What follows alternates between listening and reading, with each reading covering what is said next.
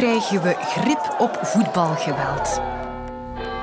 Misschien moeten we zo dat klokje van de Big Ben als jingle maken. Of... Onthoud deze naam, hopelijk. Ja. Tweede keer, goede keer voor Rishi Sunak. Wie is de nieuwe premier van de UK? Wat is er eigenlijk veranderd sinds Anuna? Waar staan we al? En het klimaatprotest is weer daar. Wat is er bereikt sinds Greta en Anuna? Daar richt ik mijn pijlen op vandaag. En ik ben Sophie van der Donk. Wees welkom bij het kwartier. En een vuurpijl op het terrein. Kijk, daar is het van dat. Vanuit het vak van Anderlecht.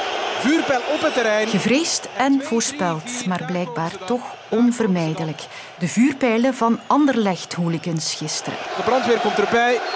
Flakkerende dingen naar even uit te trappen. Dat er iets op til was, daarover circuleerden al de hele week berichten op sociale media. En toch raakten die vuurpijlen nog het stadion van Standaard binnen. En voilà, hij stuurt iedereen naar binnen. Wat een pijnlijke aftocht. Wat een afgang. Ik kan het niet genoeg herhalen. Anderlecht zit in een diepe sportieve crisis. Trainer Felice Mazou ligt buiten intussen. Maar ons Belgisch voetbal is met dit nieuwe vuurpijlenincident toch ook in een veiligheidscrisis beland, of niet? Het heeft weinig met voetbal te maken. Ik zit na gisteravond toch met een aantal vragen voor de baas van ons profvoetbal, Lorin Parijs. Ja, goedemiddag. Hoe is er gisteren geprobeerd om dat brandbaar materiaal buiten te houden? We zorgen ervoor dat uh, voor zo'n wedstrijd stewards uh, fouilleren. Gisteren heeft de politie ook nog eens een tweede fouille uitgevoerd. En uh, de voetbalclub ehm, die uh, zo'n match organiseert, zoals Standaard gisteren, die hebben twee keer in de namiddag een sweeping gedaan. Dat betekent dat zij ehm, tot in de toiletten zijn gaan kijken of daar nergens um, ja, vuurwerkmateriaal, brandbaar materiaal verstopt is geweest. Het is dan toch misgelopen. Wat zijn de sancties? Wel, eerst en vooral hebben we een strenger uh, plan afgekondigd aan het begin van dit seizoen, waar de sancties heel erg verzwaard zijn. Je kan een stadionverbod oplopen van twee tot uh, tien jaar voor de feiten die gisteren zijn uh, gepleegd. En dat kan zelfs oplopen tot 25 jaar in geval van uh, recidive. Ik hoor wel van alle kanten dat een stadionverbod heel makkelijk omzeild kan worden met een ticket of een abonnement van iemand anders bijvoorbeeld. Hoe willen jullie dat oplossen? Wel, dat zal in de toekomst uh, niet meer mogelijk zijn of in elk geval veel moeilijker worden omdat je alleen nog maar tickets op naam zal kunnen kopen, omdat je zult moeten legitimeren op het ogenblik dat je dat ticket koopt. En uh, dat je dan ook gericht een identiteitscontrole en identiteitsverificatie krijgt wanneer dat je bij bepaalde uh, wedstrijden binnengaat. Dus op die manier uh, zorg je er wel voor dat dat gat zeg maar, in de controle op die stadionverboden ook effectief wordt dichtgemaakt. Maar ik zou zeggen, geef dan nog wat tijd. Bij de aankondiging van ons veiligheidsplan heb ik gezegd dat we aan het begin staan van een cultuuromslag. De regels veranderen is daar maar één aspect van. Maar goed, dat ga je toch uh, moeten evalueren op een tijdspanne van vijf jaar om echt die volledige cultuuromslag ook uh, zijn beslag te zien krijgen. Goed, dank u wel. Wachten op een cultuuromslag dus, die we nog niet in 1, 2, 3 hoeven te verwachten. Voorlopig blijven we dus worstelen met de hooligans in het voetbal. Ik haal er Bart van Reuzel bij. Ja, Bart van Reusel. Ik uh, was werkzaam aan de KU Leuven als uh, sportsocioloog, uh, maar sinds enkele jaren met pensioen. Ja, een pijler in het veiligheidsplan waarover Lorin Parijs net sprak, is dat strenge stadionverbod en het dan natuurlijk ook nog beter controleren. Kan dat helpen?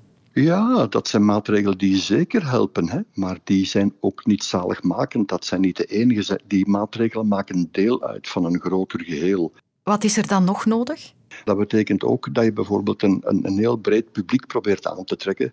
Er zijn clubs die daarin slagen. Hè. Uh, ik uh, kijk naar Genk en naar Gent en anderen, waar heel hard gewerkt wordt aan een soort uh, familiale voetbalsfeer, ook in het stadion. En dat lukt grotendeels ook niet altijd. Hè. En bij anderen lukt dat wat minder. Is dat nu typisch voor voetbal? Is dat de sport bij uitstek om bepaalde frustraties en woede op ja, een gewelddadige manier te ventileren? Of hebben we daar een verkeerd beeld van? Ja, het voetbal heeft een heel lange traditie op dat vlak. Hè. Uh, ook weer jammer genoeg. Maar laat ons zeker niet veralgemenen. We hebben relatief weinig hooliganisme gehad de voorbije jaren. Maar bij momenten komt dat terug op. En u zei het al, het gaat dan vaak om ja, collectieve frustratie. Hè. Ehm, er wordt gejuicht uh, bij winst, maar er wordt dan heel erg gejoeld of dat gaat over tot vormen van, van verbaal of fysiek geweld bij verlies of bij andere vormen van frustratie. Hè. Wat maakt dat voetbal daar nu zo gevoelig voor is? Ja, in zo'n stadion heb je altijd een groot uh, um, wij tegenover hen uh, situatie. Hè. De, de, de, de, thuisploeg tegenover de tegenploeg. Er is altijd een tegenpartij. Dus een, uh, een vrij snelle aanleiding voor confrontatie. Vaak zoeken mensen in alle vormen van identiteit. Hè? En hier gaat het toch heel dikwijls om een, een groep supporters die zich graag met, met, die, met die club vereenzelvigen. Dat een, een deel van hun, van hun bestaan hangt daarmee samen. En zij zullen waarschijnlijk ook wel vergezeld worden van nog een kleinere groep uh, mensen die dan echt wat heibel komen zoeken. En dan krijg je zo'n beetje een smeltcruise. Dus die kleine groep verknoeit het eigenlijk wel voor de grote groep van supporters. Ja. En wie zit er in die kleine groep? Ik heb daar opnieuw een beeld van, van jonge mannen uit lagere sociale klassen, maar klopt dat? Eh, jonge mannen, klopt zeker. In het verleden is dat ook zo gebleken en dat ziet er nu niet heel anders uit. Of dat nu louter lagere sociale klasse is, dat is voor een deel zo, maar zeker niet in het geheel. Uh, in het verleden hebben we wel eens gezien dat die kern van hooligans uit heel diverse lagen van de samenleving komen hoor. Dus het is niet te eenduidig te vatten. Evenzeer zaten daar jongeren bij die uit, uit oh, begoede categorieën kwamen waar niks tekort was. Hè.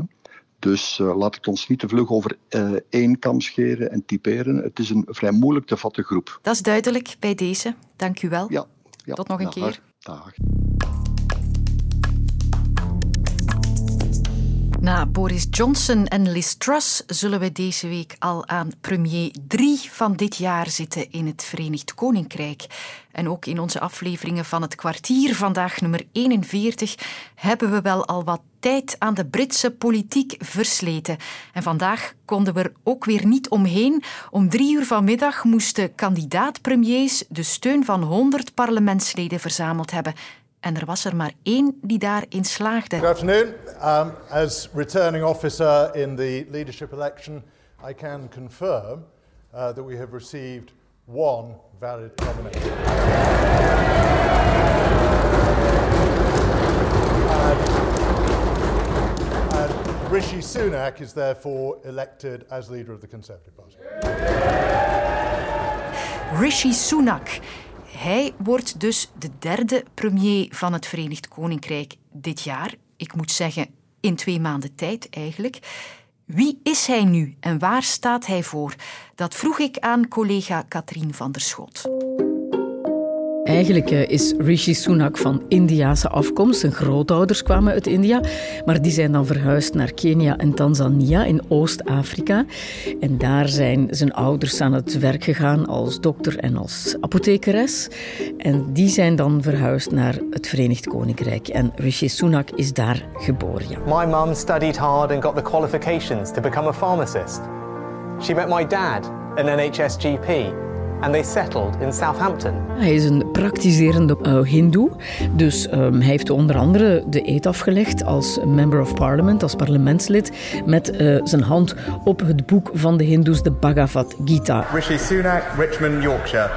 I swear by Almighty God that I will be faithful and bear true allegiance to Her Majesty Queen Elizabeth, her heirs and successors, according to law, help me God. Maar het was toch wel ja, een primeur, en nu is het zeker een primeur, dat iemand zoals hij natuurlijk premier wordt. Hij is de eerste met een andere kleur dan wit, om het zo te zeggen.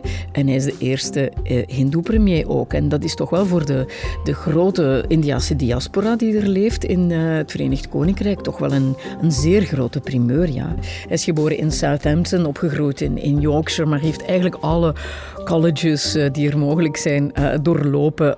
Winchester College, Oxford, dan naar Stanford in de VS. Dus een, een schitterende loopbaan onder meer politieke wetenschappen, maar nog eh, een heel aantal andere. Um, ja, en hij is ook een van de rijkste parlementsleden die er zijn. Hij geeft daarover niet veel kwijt. Hij is eigenlijk al in de regering gestapt van uh, Theresa May, de voorgangster van uh, Boris Johnson. Maar bij Johnson heeft hij eigenlijk wel carrière gemaakt als minister van Financiën. Um, heeft het daar geprobeerd om, ja, om streng te zijn, om een, een, een streng fiscaal beleid te voeren. Employment is up. Investment is growing. Public services are improving. The public finances are stabilizing. And wages are rising.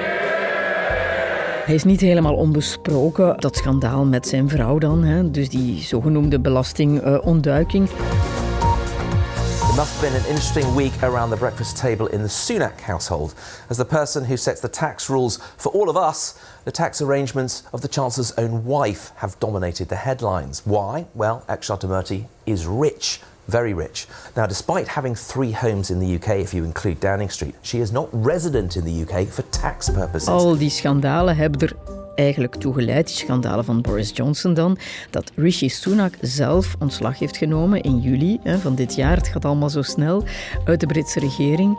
Niet omdat hij tegen Johnson was, want hij is een Johnson-aanhanger, maar omdat hij het niet meer eens was, hij zich niet meer kon voelen in die, die ethische... hadden bijna de decadentie binnen de Britse regering. Dat vond hij heel erg. Dus ja, toch weer al dat dubbele, zo als, als, als gelovige hindoe, uh, met toch wel wat ethische normen. En dan aan de andere kant, ja, die rijkdom die hij heeft. Het is een beetje dubbel, maar hij staat toch wel bekend als een vriendelijke, voorzichtige, gematigde politicus.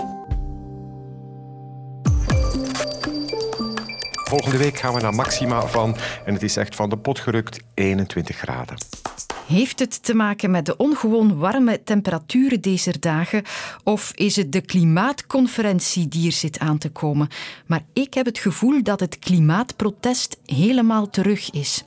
Gisteren trokken er 25.000 mensen door Brussel om een beter klimaatbeleid te eisen. En het was al even geleden dat we dat nog gezien hadden. Kom eigenlijk om mij te excuseren aan de nieuwere generaties wat de oudere generaties en overheden wereldwijd niet gedaan hebben de voorbije 20 jaar. Ik heb de indruk met die coronacrisis die daartussen gekomen is, dat de klimaatproblematiek eigenlijk helemaal naar de achtergrond is verdrongen. Ik denk dat we allemaal voelen dat het niet de juiste kant op gaat. Hete zomers, droge zomers. En dan waren er nog de opvallende acties in enkele musea. Tomatensoep op de zonnebloemen van Vincent van Gogh en aardappelpuree op een schilderij van Claude Monet.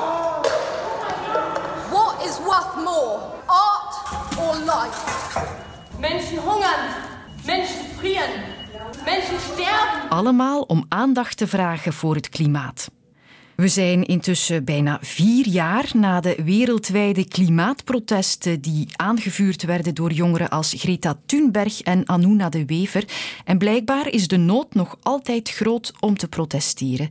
Is er in die vier jaar dan nog niets veranderd? Of zijn er wel al stappen gezet en zien we ze niet? Ik trok met die vragen naar Sanna van Rentergem van de Klimaatcoalitie die de mars gisteren organiseerde. Hallo met Sanna. Horen jullie me? Hallo. En naar Jos Delbeke. Ja, daar ben ik. Ja, ik ben klaar. Klimaatexpert met tonnen ervaring. Bewustwording is zeker toegenomen. Maar wat betreft de concrete acties, daar blijven we hier en daar toch wel een beetje op onze honger zitten. Ja. Er is eigenlijk heel veel veranderd hè, sinds 2018. Ten eerste is het klimaat echt iets geworden, een klimaatactie van de mensen, van alle mensen en voor alle mensen. Het is een keukentafelonderwerp geworden. Heel veel mensen zijn er in hun dagelijkse leven mee bezig. Denk nou over hun eigen emissies kunnen verminderen, vegetarisch worden, misschien minder gaan vliegen. En tegelijkertijd heeft de klimaatbeweging ook hoop gegeven. Want samen met honderdduizenden mensen op straat komen, jongeren burgerlijk ongehoorzaam zien worden, mensen zich zien vastketenen aan treinrails, dat zijn echt wel dingen die tonen dat mensen stappen willen nemen om verder te gaan. Zonder de klimaatbeweging en zonder de grote marsen hadden we nooit een Europese Green New Deal gehad hadden de Europese beleidsmakers nooit het algemene Europese doelstelling voor het reduceren van emissies tegen 2030 en tegen 2050 verhoogd. Vroeger konden politici gewoon rond de warme brei heen lopen die klimaatopwarming was en nu niet meer. Als ik terugkijk over de voorbije vier jaar, hebben we misschien hier en daar een beetje tijd verloren door te lang te dralen, te lang te twijfelen, het gebakkelei over subsidies en dergelijke meer.